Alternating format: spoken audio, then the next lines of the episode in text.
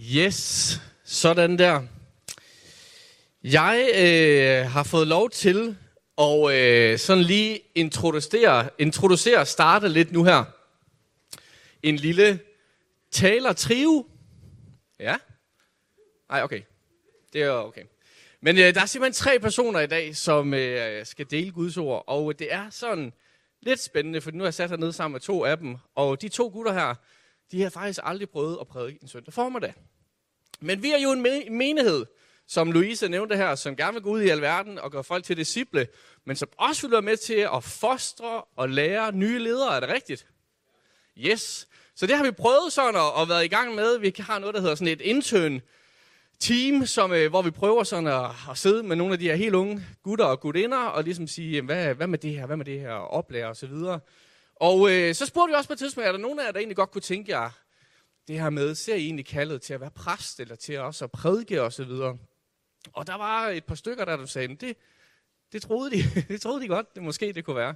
Og så var jeg også lyst til at udfordre dem, og så sige, jamen så prøver vi den her søndag formiddag at sige, jamen så skal vi også prøve det dag. Er I med på det? Herude? Ja. Og jeg må sige, altså vi er i en menighed, og nu, skal jeg, nu tror jeg ikke, at jeg tager munden for fuld, hvis jeg siger, at øh, vores kære præst, Dennis Jacobi, som desværre ikke er her i dag, er nok en, i mine øjne, en af Danmarks bedste prædikanter. Det er så kun min egen mening, kan jeg høre, umiddelbart, men det er fair nok. Og så ved man ligesom, står der altså, en normal ret stor standard her, så jeg har lidt ondt af de to gutter, som sidder dernede og tænker, skal vi ikke kunne det? Nej, det skal I ikke. I skal bare slappe helt af, er det rigtigt? De skal være helt dem selv, og så skal de bare tro på, at Gud har givet dem et ord, og at Helligånden er med. Er det sandt? Er vi med i fuld opbakning? Sådan der. Skal vi ikke byde rigtig hjertelig velkommen til Joachim Kloster her? Tak for det, Simon. Ja, Simon jeg tog lidt min introduktion, øh, men det, jeg kan så bekræfte... Nå, nå. Jeg kan så bekræfte, at øh, jeg er intern herinde, og øh, som, som Simon siger, så har vi nogle helt fantastiske prædikanter herinde. Men det, man får ud af at være i internship, det er at få lov til at komme helt tæt på dem. Og man får også lov til at se, hvordan de forbereder sig, man får lov til at komme med dem ud, når de er ude at tale. Og det er altid sjovt. Øh, så, så jeg vil sige, jeg er glad for, at jeg får lov til at stå her i et trygt team i den her trio, og gøre det sammen med også en, som gør det rigtig godt, Simon, men faktisk også en anden en, som normalt er øh, inden for lovsang, Jens Sand, og en af mine allertætteste venner. Så øh, jeg er ligesom i trygge rammer, og det, det giver en, en god opbakning samtidig med, at jeg kan mærke, at I er med. Så det tusind tak herfra. Det er sådan, at øh, vi øh, skal prædike over et overordnet tema, der hedder trofasthed. Og øh, jeg har lavet sådan lidt en, et undertema til det, for at forklare, hvad trofasthed også er for mig ind i det her. Og øh, til det så har jeg ligesom lavet en tekst, der hedder Start med hvorfor. Og det skal vi prøve at dykke lidt ned i her i dag. Jeg ved ikke, om nogen kender bogen, øh, der har samme titel, bare på engelsk. Men jeg er blevet inspireret af at læse den lidt, og øh, det har vækket en masse tanker i forhold til, hvem er Gud ind for mig? Hvor, hvor er det, jeg ser trofasthed inde? Hvad, hvad er det, som, som sker inde i vores kristne liv, som, som ligesom gør, at vi kan begynde at tvivle på, at Gud han er trofast ind i vores liv? Og øh, nu har jeg den her i lommen, så jeg kan selv få lov til at skifte.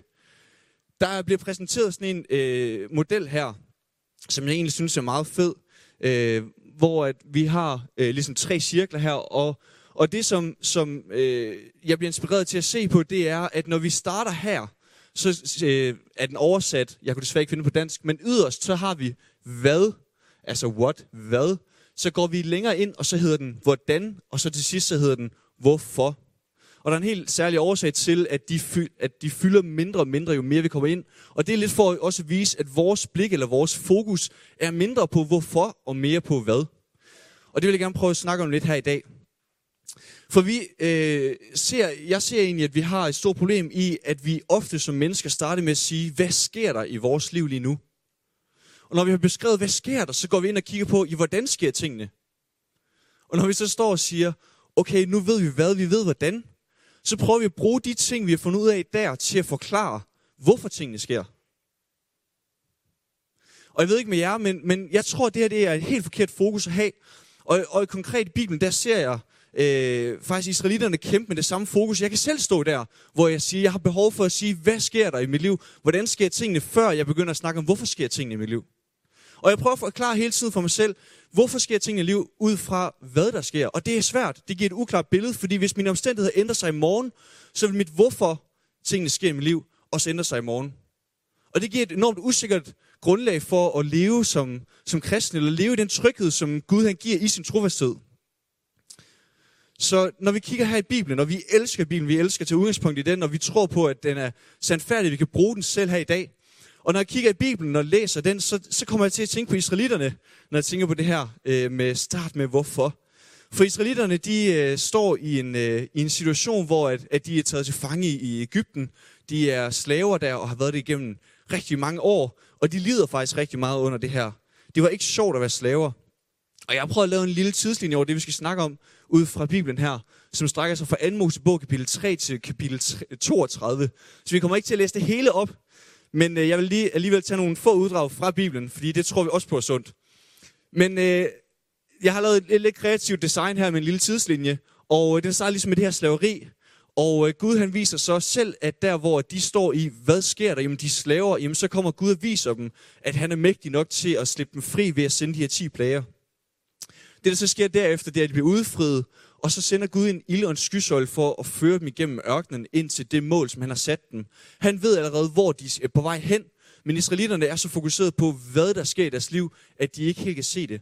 Men Gud han har sendt den her ild og skysøjle for hele tiden at være til stede, hele tiden vise, hvem han er. Så bliver de jagtet af Ægypterne, efter de har sagt, okay, I må gerne gå, Israel, I må gerne gå. Så bliver far alligevel øh, omvendt til at tænke, ah, hvorfor, hvorfor lod vi dem slippe? Nu har vi ikke nogen slaver, nu er vi nødt til at jagte dem. Og det gør så, at nu ændrer deres hvad sig igen, deres omstændigheder ændrer sig igen, og de bliver usikre, de bliver bange, og de begynder at klage til Gud.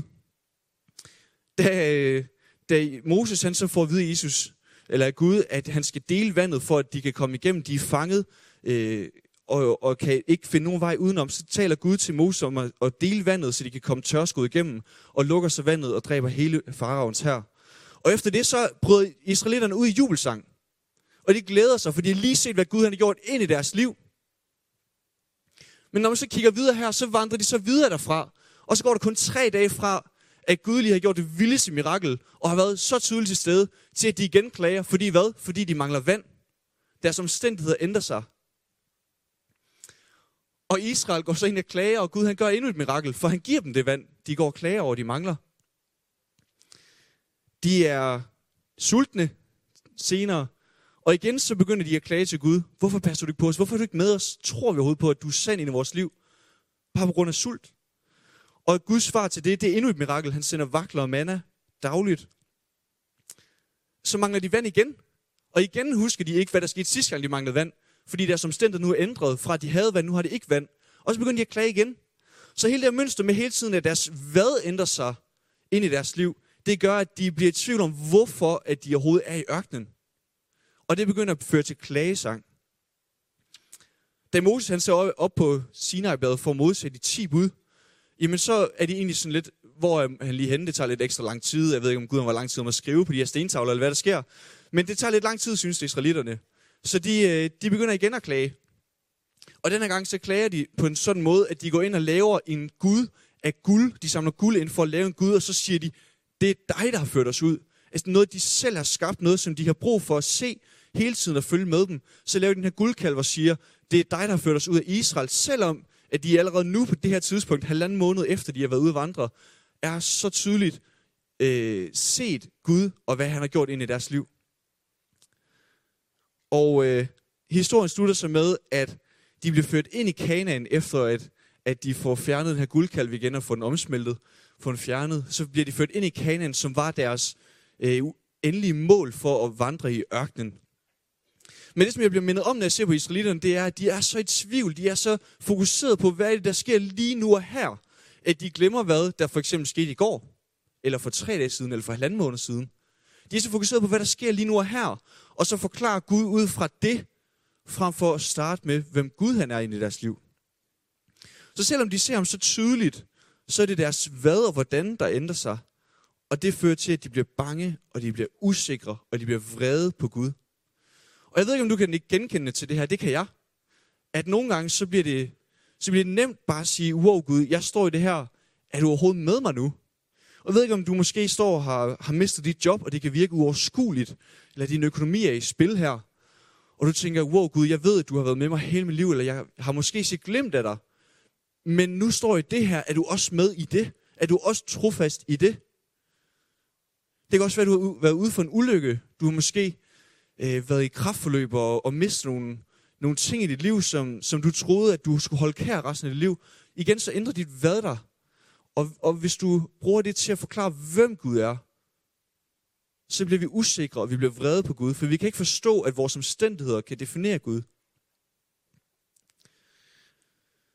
Så selvom han, Gud han kommer her og viser israelitterne gennem en periode på 40 år i en ørkenvandring, at han er med, at han altid er med, han er altid trofast, og han altid kommer og giver det, der er behov for. Han redder dem fra krig, han redder dem fra sult, han redder dem fra tørst. Han redder dem gennem 40 år med at sende daglige vakler og, og manna, som var sådan noget brødagtigt noget, som de kunne spise og gøre sig mætte på. Så bliver de alligevel usikre på det hele. Og Gud han viser kun sin uendelige trofasthed gennem det her. Han bliver ved og ved. Og selvom de brugger sig, så ændrer Gud ikke karakter. De forstod Gud, Gud ud fra deres omstændigheder. Så de manglede at forstå, hvorfor de var i ørkenen. De kunne ikke se Kanaan, da de gik og tørstede. De kunne ikke se Kanaan, da de gik og var sultne. De kunne ikke se Kanaan, da Ægypterne kom og jagtede dem. Og måske er du lige nu i en situation, hvor du også mangler at forstå, hvem Gud er ind i din ørken. Hvem han er ind i dit liv eller ind i din situation. Men Gud han er trofasthed, og han er med i det, og han vil gøre mirakler ind i dit liv. Så når vi forstår, hvem Gud han er i hans hvorfor, så er det også tydeligere for os, at vores omstændigheder ikke kan definere, hvem Gud er, men hans trofasthed manifesterer, hvem Jesus er. Så når deres hvad eller hvordan ændrer sig, bliver de bange, usikre og for Gud, og dine omstændigheder definerer ikke, hvem Jesus han er. Men at vi kan komme til korset, hvor Jesus han udgød sit blod for, at vi skulle blive frelst, for at vi skulle stå fri fra synd, for at vi skulle blive taget bort fra, fra alt tvivl på, at han er os nær.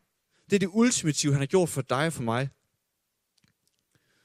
Han giver en afklaring på, hvordan og hvad, når vi kigger på, hvorfor til at starte med. For selvom han betalte den ultimative pris, så er vi nødt til at leve et liv, hvor vi ikke kigger på hvad og hvordan, men vi er nødt til at vende den rundt og fokusere på det, som er kernen i det hele. Altså vores hvordan, og så vende det rundt til at kigge på, okay, hvis Gud han er trofasthed, så har jeg nemmere ved at forstå det hele billede. Jeg har nemmere ved at forstå, hvordan tingene sker, og hvorfor. Og lige pludselig vil du opdage Gud endnu mere i din hverdag, fordi at du er fokuseret på, hvem han er til at starte med, og hvad han kan. Og så selv de små ting, som du tænker, okay, jeg har lige fået et job, jeg har lige fået øh, et lidt ekstra løn. Jamen, jeg tror på, at Gud han er trofast ind i det. I stedet for at vende rundt og sige, jeg har fået ekstra løn, jeg er god, og det afspejler ikke, hvem Gud er. Så når vi vender den rundt fra at sige, hvordan eller hvorfor, til at arbejde den ud af, så gennemsyrer det hele vores liv. For når vi fokuserer på Jesus først, så ændrer det vores forståelse af, hvad der sker i vores liv, og hvordan tingene sker. For hans trofasthed er nu det, som ligesom fylder i alt, hvad vi gør, og alt, hvad vi er. Så vi må vente den fra at kigge på, hvad der sker i vores liv, for at forstå, hvem Gud er, til at forstå, hvem Gud er, for at forstå, hvad der sker i vores liv. For når vi gør det, så starter vi med Gud frem for vores omgivelser, og så er det tydeligere, hvem han er ind i vores liv. Jens, du må gerne begynde at roligt kom herop, øh, mens jeg lukker den her. Men jeg har bare lige lyst til at læse op fra øh, 2. Mosebog, kapitel 14, vers 11 her, hvor der står, var der ingen grav i Ægypten, siden du har ført os ud for at dø i ørkenen? Hvad er det, du har gjort imod os ved at føre os ud af Ægypten? Sagde vi ikke til dig i Ægypten, lad os være, lad os trælle for Ægypterne. Vi vil hellere trælle for Ægypterne, end dø i ørkenen. Jeg ved ikke igen, om du kan genkende til det her. At du står i en situation, hvor du egentlig har haft det trygt, og, og lige pludselig er du blevet sendt ud i noget, som, som du har svært ved at forstå. Du har svært ved at vide, hvad er det egentlig, der skal ske. Men jeg tror virkelig på, at det her det er en opmuntring til dig i dag. At hvis du starter med at forstå, hvem Gud er, hvis du starter med at gå ind til kernen af, hvad han har gjort for dig i dit liv, så vil det være nemmere at forstå, at du ikke er en ørken lige nu og her for at blive der, men du er på vej hen til Kanaan. Joachim. Det gik jo, øh, det gik jo super. Jamen, vi har været lidt nervøse nu her, kan I godt, øh, tror jeg godt, I kan forestille jer. Men øh, som sagt, som Joachim også sagde, så tak for, at øh, vi må få lov til at komme her. Skal vi se her. Sådan der. Mit navn det er Jens Sand. Jeg er 19 år, og til daglig er jeg intern her i kirken. Det er en gave at få lov til at følge Simon Jakobsen, der godt mærke, at jeg fedter lidt for dig nu, når jeg står heroppe. Og mit job som intern, det er at lave alle de opgaver, som Simon han ikke gider. Øhm, så det, det, der, det er derfor, at øh, det er derfor, jeg er her. Nej, jeg er øh, 19 år, og øh, jeg kommer fra en lille by, der hedder Stenum. Så hvis jeg har lidt accent, så må I, øh, så beklager jeg. Men det, ja, sådan vi taler deroppe. Jeg flyttede til Aalborg her for et øh, par måneder siden og bor sammen med min gode kammerat Mark. Mark er også intern her i kirken. Han er en af dem, som er frivillig her i kirken og laver alt det bagved, som man ikke ser. Så jeg har faktisk lige lyst til, at vi give Mark en hånd for alt det, som han laver her i kirken. Det er, synes jeg, han fortjent. Og så har han også fået nok ros det næste halve år. Nej, vi har jo fået givet øh, emnet Guds trofasthed. Og øh, da Simon og jeg, vi snakkede lidt om, hvad det var, og hvad øh, han har gjort, så må jeg ærligt indrømme, når jeg kigger tilbage, så har jeg haft det svært. Men netop Guds trofasthed. Hvor har han været hen i mit liv, og hvor har han været hen, når det har været svært. Jeg ved ikke, hvad øh, I mener, eller hvad I føler omkring Guds trofasthed, hvad det er, og hvad I ser i jeres liv. Men jeg må være ærlig indrømme, at nogle gange så har jeg stået og sagt, Gud, hvorfor i verden er jeg blevet sat igennem den her situation? Jeg har været trofast mod dig, jeg har kommet i kirke. Det kan også være, at man ikke har, man er ny. Men hvor i verden har du været? Hvorfor skulle jeg opleve det her? Hvorfor skulle jeg blive sat igennem det her? Eller det kan også være, at du har stået i situationer, hvor du tænker, Gud, hvorfor hører du ikke mine bønder? Hvorfor hører jeg ikke, du svarer? Du kan se, at jeg lider lige nu. Du kan se, at min familie venner lider lige nu. Hvorfor griber du ikke ind? Hvorfor gør du ikke noget?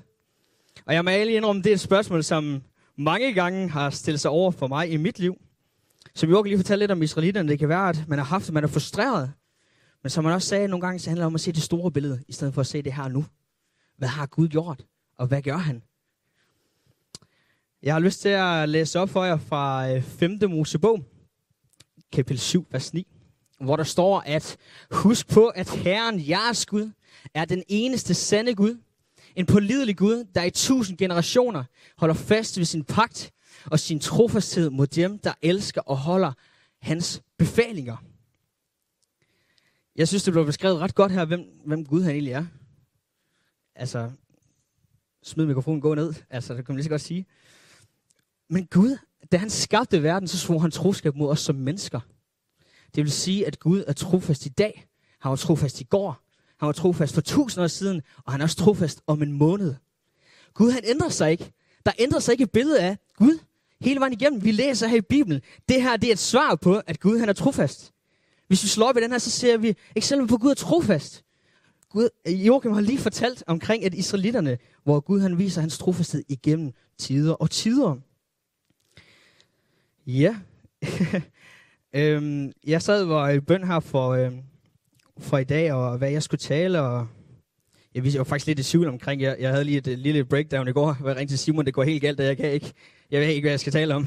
Øhm, men øh, jeg var i bøn for det, og så blev jeg mindet om en historie, om dengang mine øh, forældre de blev skilt.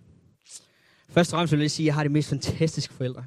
Jeg ser så meget op til dem, at de elsker mig, og jeg elsker dem, og der er ikke noget, jeg vil gøre for dem.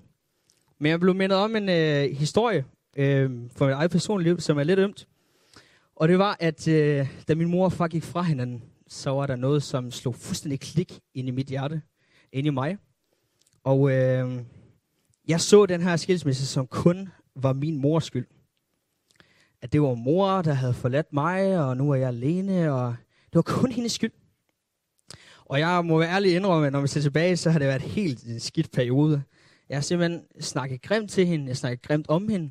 Jeg har gjort alt, hvad jeg kunne for at gøre omstændigheden dårlig. Jeg vil ikke være der. På at have sin egen søn, der ikke engang vil se sin egen mor.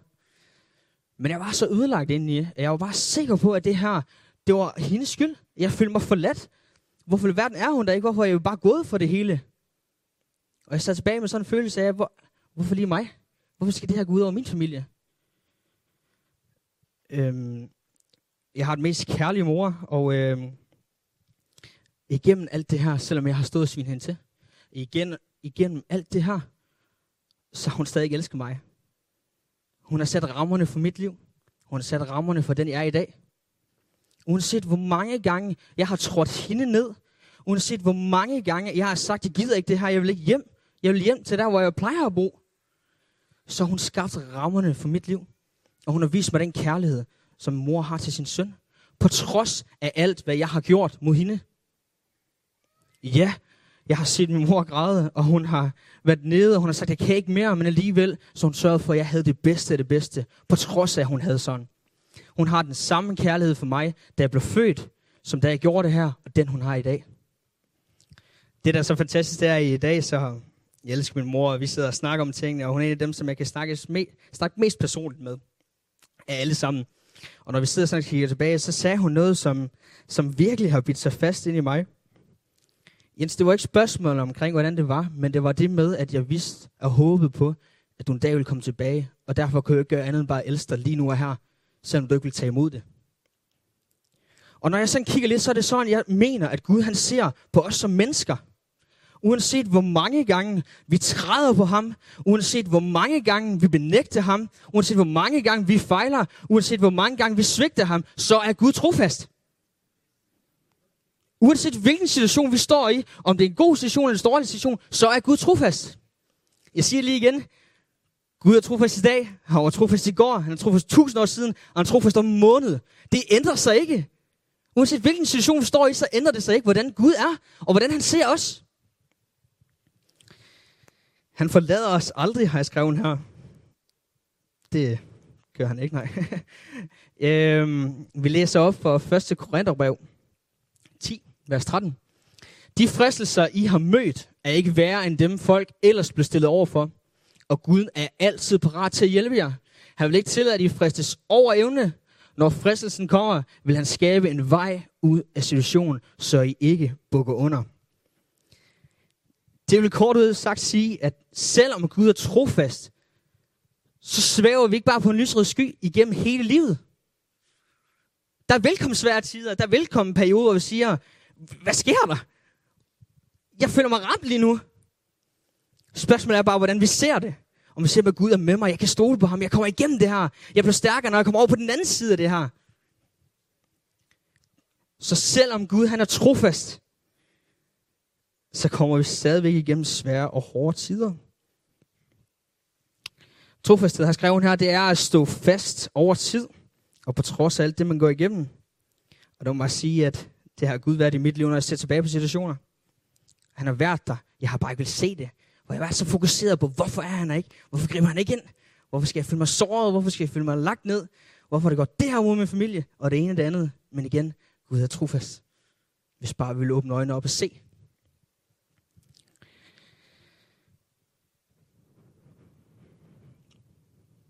At Gud er trofast betyder, at han ikke kan lyve. Det betyder, at han ikke lover noget, han ikke kan holde, og vi kan regne med ham. Vi skal have tillid til ham, da han ikke svigter. Og øh, jeg var, da jeg var i bøn for det her, så kunne jeg bare mærke ånden banke ind i mig, at der sidder nogen her i dag, og det, det, er lidt, det hænger ikke rigtig sammen med det her Guds trofasthed, det er bare lige noget. At der sidder nogen her i dag, som har nogle, øh, jeg springer lidt ud af, nogen som har en brudt relation, øh, ligesom jeg havde med min mor engang. Og jeg vil bare opfordre dig til at tage det op, og Gud han ser det, og Gud han banker på det nu, og øh, han ønsker at det. Og øh, ja, jeg har bare lige behov for lige at komme ud med det. Men Gud, han er trofast i dag, han var trofast i går, han var trofast for tusind år siden, og han er det om en måned. Og jeg vil bare sige, uanset hvad du står i, så er han her i dag. Uanset hvad, så banker han på. Siger, luk mig nu ind. Se nu, jeg er her. Jeg står med dig. Uanset hvad du vandrer i, så er jeg med dig. Du er mit barn, det er det, jeg er allermest kært. Da jeg skabte jorden, der så jeg troskab mod dig. Mod os. Gud er trofast. Simon, du godt begynder at kigge herop af. Hvis du har lyst til det. Øhm, Gud han ønsker et fællesskab med os. Gud han ønsker, at vi skal være ham, og vi skal være trofast mod ham. Gensidigt, som Simon vil snakke lidt mere. Men jeg ønsker bare at sige det igen. Gud er trofast i dag. Han var det i går for tusind år siden, og han er det også i fremtiden. Amen.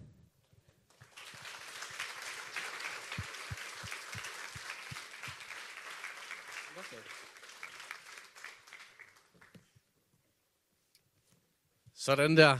Så blev det slået fast. Gud han er trofast. I går og på torsdag. Nej, skal det være. ja, skal høre for så meget. Men Gud er trofast. Nu har vi fået det beskrevet så flot med israeliternes historie. Selvom de stod i ting, som var svært, og de ikke kunne forstå. Men så kom de stadig ud på den anden side og så, at Gud er trofast. Hørt med Jens historie nu her set, at Gud er trofast. Selvom man ikke forstår, selvom man ikke kan se, hvad det er, der sker, så er Gud trofast. Er det ikke rart? er det ikke godt? Det er rart at kunne vide og have stole på, at ham vi tror på, han er der altid. Ham vi tror på, han hører vores bønder. Ham vi tror på, han er med os hver evig eneste dag. Og jeg tror, vi kommer, altså, øh, Gud kommer aldrig til, eller det, der kommer aldrig til at være et spørgsmålstegn om Gud er trofast. Jeg tror egentlig, det som vi forstår ud af det her, og når vi kommer i tvivl om det, så er det måske egentlig ikke Guds trofasthed. Jo, men det er måske egentlig mere vores egen trofasthed over for Gud. Vores egen tillid over til Gud, som kan blive udfordret. Og vi er jo mennesker. Jeg kender det så meget også i mit eget liv, hvor ting bliver, man tænker rundt omkring, og man tænker, hvis alt det her, det er det, jeg står i, jamen, hvordan, kan, hvordan kan Gud så være trofast? Jeg tror, jeg har lært den der lektion igennem livet. Jeg ved at Gud han kommer næsten aldrig til tiden. jeg ved ikke, om I kender. Han kommer næsten aldrig til tiden, men siger sådan, jeg skal bede det her, jeg beder lige om det her, bam, og så, bum. Han kommer næsten aldrig til tiden, men jeg har lært en ting, at Gud han kommer aldrig til tiden, eller næsten aldrig til tiden, men han kommer aldrig for sent. Det kan godt ske, det ikke lige er sådan, som jeg tænker det. Det kan godt ske, det ikke lige er sådan, som jeg ønsker det lige nu her. Men han er der altid. Og han hører vores bønder, og han reagerer. Det kan vi have tillid til. Men jeg tror egentlig sådan, hvis man sådan går med Gud, at når man så tænker, okay Gud, jeg ønsker at følge din vej, og så kan man måske nogle gange blive lidt forblindet og tænker, hvis jeg følger din vej, hvorfor så alt det her omkring mig? Hvorfor sker alt det her? Nej Gud, måske er det faktisk bedre med min egen vej. Og så kan man begynde at vandre på sin egen vej, og så tænke, jamen, så gør vi sådan her, så gør vi sådan her. Det er ligesom israelitterne, og Joachim fortalte her før, Joachim fortalte omkring israelitterne. At de begyndte at tænke, jamen, hvis ikke Gud griber ind, jamen, så må vi lave vores egen vej. Så laver vi vores egen Gud. Så prøver vi selv på et eller andet her, og så siger, så er det det, vi går til, så er det det der, vi tilbeder, så er det det her, vi finder ud af. Så er det min egen vej, der er bedst. Kender I det? Så tager jeg bare min egen vej. Så kan det også være lige meget. Det kan også være i, en, et liv, hvor... jeg tror lige, jeg tænkte sådan, når jeg var lille, ej, jeg har så mange ting, jeg skal se til jer. Både at spille øh, computer og gå til fodbold og lege med mine venner og alle de her ting. Og så bliver man lidt større. Og så, oh, jeg skal også, øh, i, der gik min stemme i overgang, kan høre. Jeg skal også øh, have lavet alle mine lektier, og jeg skal stadig være sammen med mine venner, og jeg skal alt det her. Og jeg har så mange ting, jeg skal se til i mit liv. Og så bliver man lidt ældre, og så får man lige pludselig også en kæreste, eller hvis man gør det, og tænker, nu skal jeg også bruge tid på det, og så får man lige pludselig børn, og så har man bare overhovedet ikke noget tid. Og så får man flere børn, og så går det bare helt galt. Og så ved jeg, jeg ikke prøvet at få børnebånd endnu, men jeg tænker, det er nok det samme sted i livet, men jeg tænker, det vil også gerne være sammen med os. Der sker så mange ting i vores liv hele tiden. Og så mange tilbud, så mange muligheder, så mange ting, man kan vende sig hen og få information, blive optaget af. Nogle mange, der gerne vil have ens tid og opmærksomhed. Så en af de der andre ting i ens liv, hvor man siger, Gud, jeg ved godt, du er trofast, men jeg har bare så svært ved at huske dig. Og det er sådan en rigtig klassisk kristen pisk på sig selv. Jeg glemmer Gud, jeg glemmer dig, Gud. Men ved du hvad, Gud han er trofast. Han er med os overalt. Og jeg ved ikke, hvordan det står til med din egen tid med Gud. Din egen lille andagt. Din tid i Bibelen, i bøn, hvor du er sammen med ham. For jeg ved det udmærket fra mit eget liv. Jeg synes faktisk, det koster noget. Ja, hvis jeg gør det her, så koster det en halv time søvn. Enten den ene vej eller den anden vej. Og hvis jeg gør det her, jamen, så er der noget andet, jeg sætter til side for at få det her prioriteret. Er det sandt? Det koster noget. Men ved I hvad, kære venner? Det koster så meget mere, hvis ikke vi gør det. Det koster noget at sætte tid af og sige, Gud, nu er det os to. Men det koster så meget mere, hvis ikke vi gør det. Det er en af de der ting, igen i ens liv, hvor man siger, men Gud, du er trofast. Men jeg kan bare godt glemme dig nogle gange. Bare godt glemme, at du er trofast. Bare godt glemme, at du er sammen med mig, at du går med mig. Og så den sidste ting her, det er måske også, at man kan sige, jeg tør ikke, Gud. Jeg tør simpelthen ikke. Nu nævnte Jens det lige her. Ellers ville jeg have sagt det uden at nævne, hvem det var af dem. Men der var en, der ringede til mig i går og var lidt frustreret og tænkte, jeg tør ikke, jeg har ikke lyst til det her, Simon. Jeg, jeg springer over, jeg, jeg vil ikke. Og siger, rolig nu. Gud, han er med. Gud, han er med. Du, du behøver ikke at tænke på, hvad der alt det kan gå galt. Du behøver ikke at tænke på alle de ting, som, som øh, man kunne falde ned af scenen, eller man kunne alt de her ting. Gud, han er med, og faldt man så ned, så er han også med. Okay? Gud, han, forstår mig ret, når jeg siger det her, Gud, han kommer ikke til at få styr på det. Han har styr på det. Og det er lidt den tillid, vi skal ture have over for Gud. Nu vender jeg om og siger, det er den trofasthed, vi skal have over for Gud. Tilliden til, at han er der, han er med os. Uanset vores egne tanker, uanset hvad vi selv kan stå i, så have tilliden til, selvfølgelig. Selvom det er fristende med sin egen vej, selvom det er fristende at sige, ah, jeg hopper lige over her, hvor gader er lavest, eller, eller selvom vi måske kan glemme det. Tilliden til, at Gud er med. Er det sandt? I alle, tror jeg, næsten alle Bibelens personer, hvis de står i frustrationer, hvis de står i ting, som de ikke kan finde ud af, hvad skal de gøre her? Hvis Moses står og har lige ført en hel masse israelitter ud af Ægypten, og så kommer der en kæmpe her efter ham, hvad gør han? Han kan ikke andet end at vende sig til Gud. Hvad gør jeg? Hvad gør jeg? Og gang på gang på gang på gang, der viser Gud sin trofasthed over for et hvert menneske, som vender sig til ham. Kan vi have tillid til det? Kan vi tro på det? Wow, må det gribe vores hjerte, vores liv. Guds trofasthed til os. Skal vi rejse os op?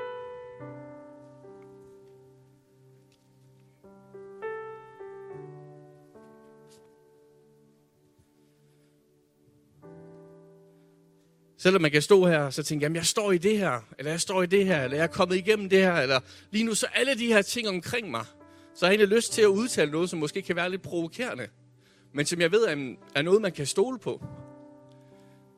Man siger, en hver fristelse, en hver situation, vi kommer igennem, en hver prøvelse, som er hård, det er en udfordring til at stole på Gud. En hver ting, vi ikke forstår, en hver ting, som vi kan gå igennem, det er en udfordring til at stole på Gud. Og det er møgprovokerende for dem af os, som lige nu står i noget, hvor man tænker, Gud, hvor er du? Men det er stadig en sandhed, at han er trofast, at han er med, og han går sammen med dig. Vi skal prøve at lukke vores øjne nu her, hvor vi står. Og jeg har egentlig bare lyst til at sige til dig, som måske ikke kender Gud, eller måske aldrig har oplevet ham som din egen personlige far, din egen personlige frelser, den måde, som det måske er blevet fremlagt nu her. At han er trofast, at han hører vores bøn, og han går med os. Så der, hvor du står, så har jeg egentlig bare lyst til at spørge, har du lyst til i dag at tage imod Gud? Og invitere ham ind i dit liv?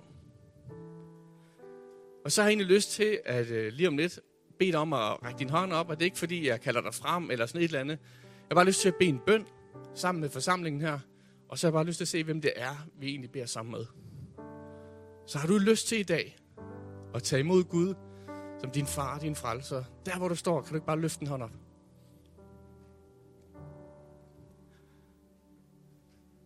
Yes. Sådan der. Er der flere? Bare løft din hånd op der, hvor du står.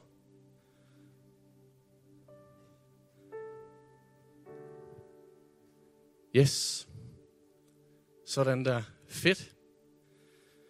Bøgerkær menighed, så gør vi det sådan her, at øh, jeg beder en bøn, som jeg rigtig gerne vil have, at øh, hvis man har lyst til, at man gentager efter mig her, så beder vi sådan her. Herre Jesus Kristus, kom ind i mit liv.